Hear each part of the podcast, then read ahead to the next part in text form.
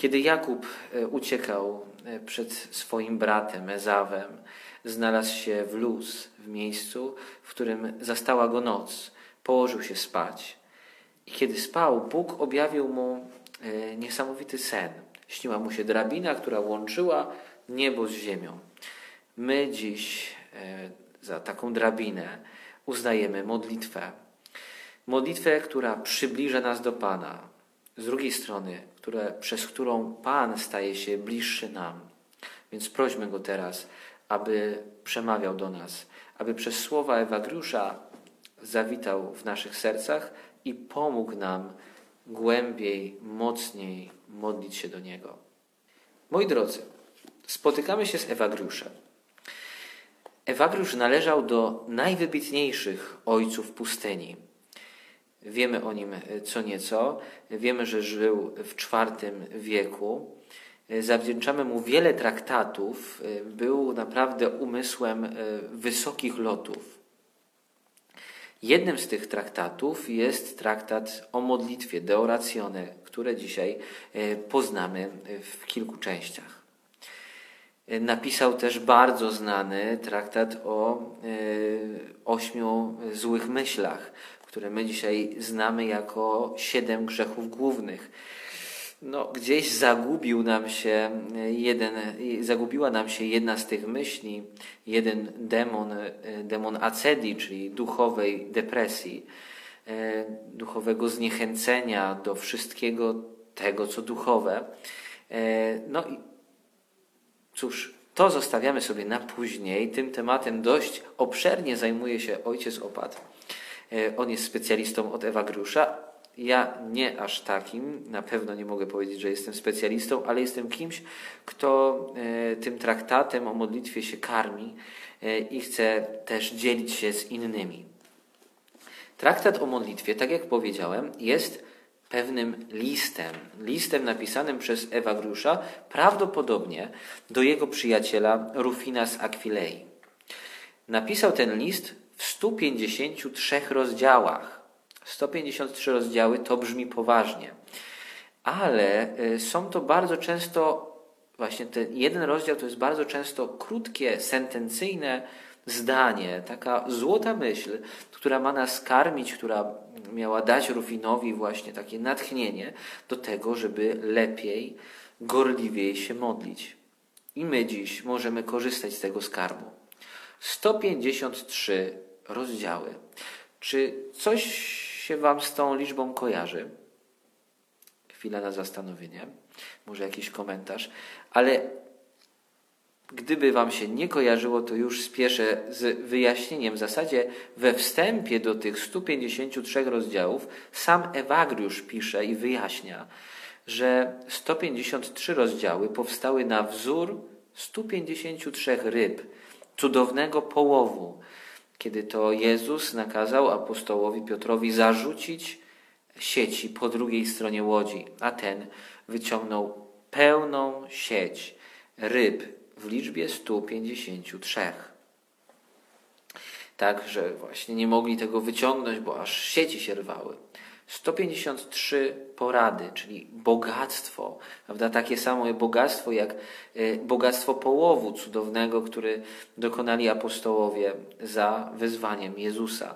Tak samo przed nami stoi ogromne bogactwo wiedzy o modlitwie. Dzisiaj trzy krótkie rozdziały Trzy początkowe. Oczywiście nie omówimy całego traktatu. Będę wybierał dla Was e, te rozdziały, które dla mnie są prostsze do omówienia i które uważam za najbardziej wartościowe. Zatem posłuchajcie uważnie, bo język Ewagriusza jest e, taki wysublimowany. To nie są już apoftegmaty, czyli takie opowiastki. To już jest taki język na poływ filozoficzny i teologiczny, ale nie zniechęcajcie się, to jest wszystko w naszym zasięgu.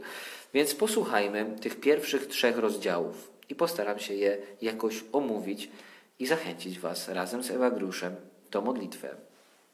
Dusza oczyszczona przez wypełnianie przykazań wprowadza do umysłu nienaruszony porządek, czyniąc go zdolnym do przyjęcia stanu, którego szuka. stanu modlitwy i kontemplacji. Modlitwa jest obcowaniem umysłu z Bogiem. A w jakim stanie powinien być umysł, aby mógł dążyć ku swemu Panu bez oglądania się wstecz i rozmawiać z Nim bez żadnego pośrednika?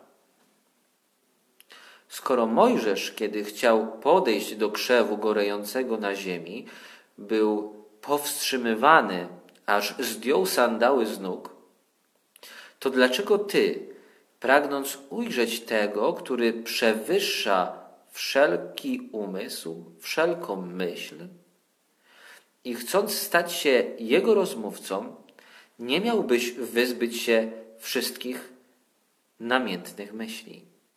Ewagriusz zwraca nam uwagę na to, że modlitwa zaczyna się dużo, dużo wcześniej, zanim uklękniemy przed krzyżem, otworzymy Pismo Święte, czy pójdziemy do kościoła. Modlitwa zaczyna się wcześniej. Musimy się do niej przygotować nie tylko przez to, że usiądziemy, otworzymy Pismo Święte, musimy się przygotować do niej całym naszym życiem. Zobaczcie, co pisze Wagriusz. Wypełnianie przykazań wprowadza do umysłu nienaruszony porządek. Chcę nam przez to powiedzieć, że jeżeli chcesz się dobrze modlić, to musisz też dobrze żyć. Na naszą modlitwę składa się nie tylko to, co powiemy, co przeczytamy, jak bardzo się skupimy i wejdziemy w wyciszenie. On nam mówi, że te rozproszenia, takie, wiecie, myśli przelatujące nam przed oczami w czasie modlitwy, to to nie jest szczyt ro rozproszeń. Rozproszeniem jest życie bez Boga. Rozproszeniem jest e, nieprzestrzeganie przykazań, życie w grzechu. No? Więc Ewagrusz zwraca nam uwagę na bardzo ważną rzecz. Zanim uklękniesz do modlitwy, zadbaj o to, aby żyć dobrze. Drodzy, nie oznacza to, że kiedy mamy, jesteśmy w stanie grzechu, nawet kiedy jesteśmy bez łaski uświęcającej, mamy grzech ciężki, to nie oznacza, że nie mamy się modlić. Mamy się modlić zawsze. Ale jeżeli chcemy być wolni od rozproszeń, jeżeli chcemy być cali oddani Bogu, to Ewagriusz zwraca nam uwagę: zadbaj już o swoje życie, o przestrzeganie przykazań. Zadbaj o modlitwę wcześniej, zanim uklękniesz i zanim e, zaczniesz się modlić, medytować, czytać Pismo Święte.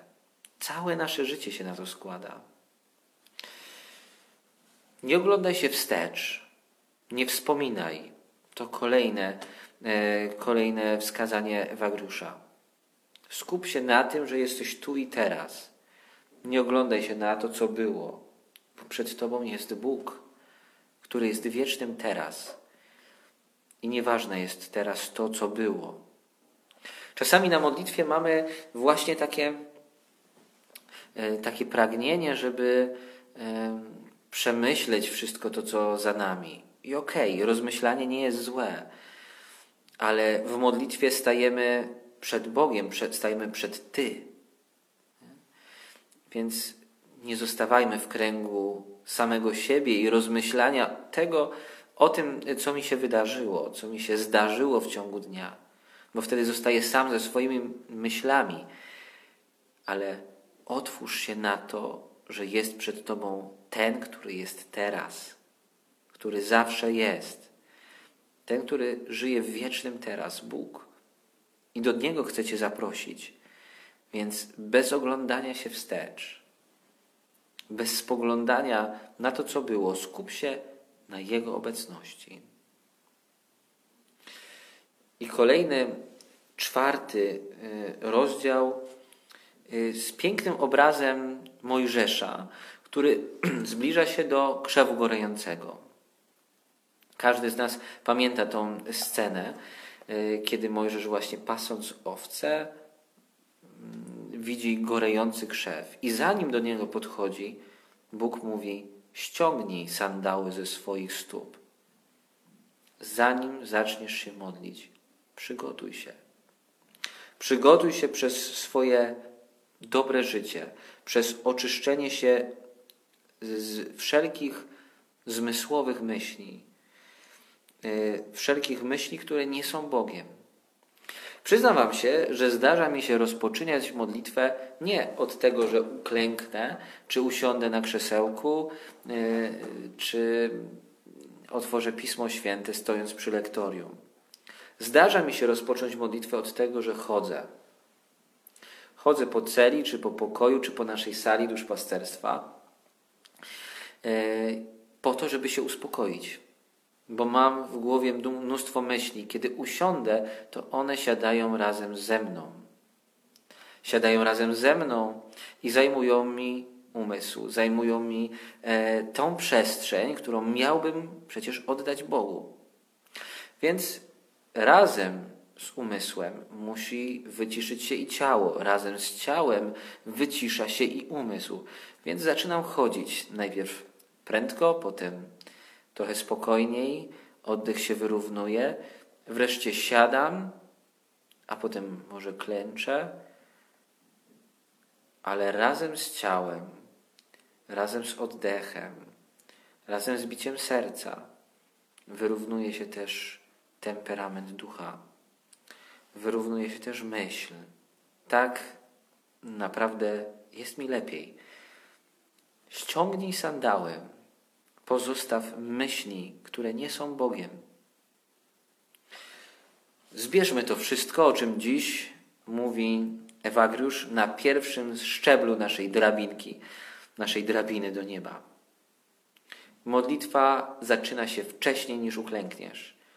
Przygotowanie do Twojej modlitwy to całe Twoje życie, przestrzeganie przykazań, e, obrona przed rozproszeniami to życie, w wolności od grzechu. Ale mały przypis: módl się zawsze, nie tylko wtedy, kiedy uważasz się za czystego.